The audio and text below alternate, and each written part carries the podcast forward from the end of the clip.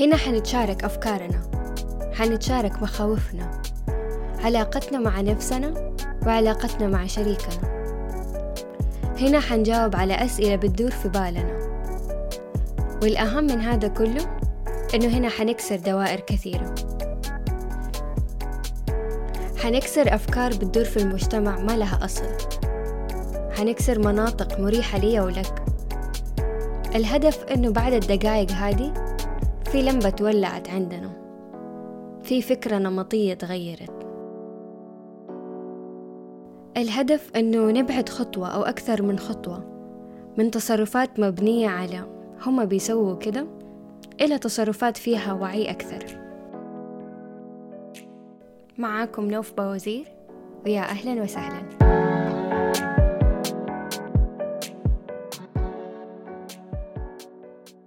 لما سألت المتابعين عن أكثر شيء متعبهم اليومين هادي لاحظت تشابه كبير في الإجابات. أغلبها كانت شيء زي أنا ماني قاعدة أشتغل أنا حاسة بتشتت وأنا حاسة بقلق. هذه كانت نماذج متكررة من الأجوبة اللي وصلتني. يمكن لأنه الوضع هذا جديد علينا شوية ما عندنا كتاب يقول لنا كيف نتعامل مع هذه الأزمة. هذا حدث جديد على العالم كله. فالعالم حاليا في حالة ضياع وتشتت. هذا غير إنه أول كان عندنا روتين واحد واضح. نروح الدوام ولا المدرسة بعدين نرجع البيت نرتاح ونخرج. بس دحين الوضع تغير والبيت صار يلوم عدة أشخاص في نفس الوقت. لو بتلاحظوا كلامي حتلاحظوا إنه في أكثر من عامل تغير في حياتنا.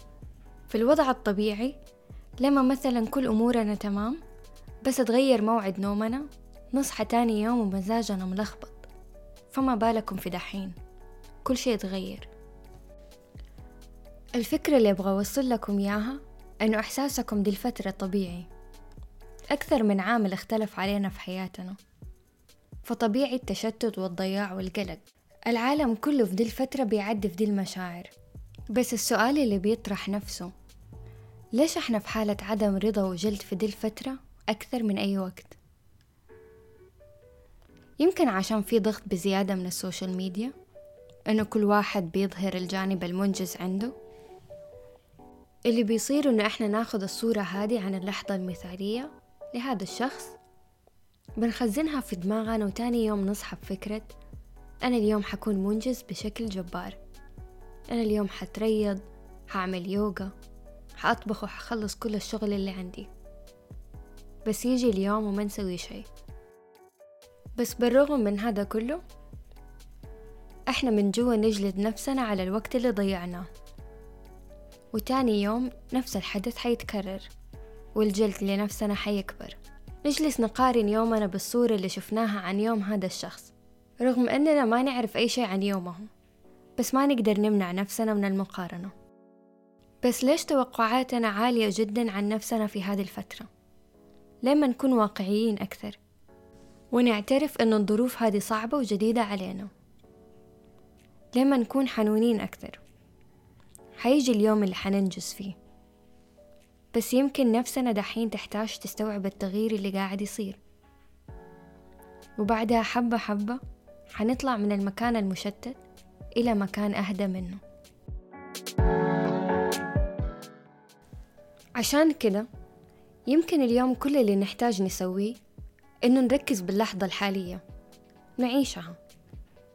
نركز في نفسنا ومشاعرنا وأحاسيسنا ونقلل من صوت اللوم. ممكن ما نفتح الجوال من الصبح. نعطي لنفسنا المجال إنه عقلنا يتنفس. ممكن ما نتفرج أخبار طول الوقت. الصراحة إنه الأخبار بتجينا لين عندنا. والأهم من ده كله ما نبدأ ونقرر إنه نغير كل شيء في نفس اللحظة. نبدأ في شيء واحد بس. ناموا كويس كلوا واشربوا كويس صبحوا على نفسكم كويس وحبة حبة حتبدأ نفسنا ترجع لنا. وعشان نكون واقعيين يمكن الوضع يطول ويمكن يجي كم يوم نحس نفسنا كويسين وبعدها لا. بس عادي. اللي حنسويه دحين هو إننا حنعيش كل يوم بيومه.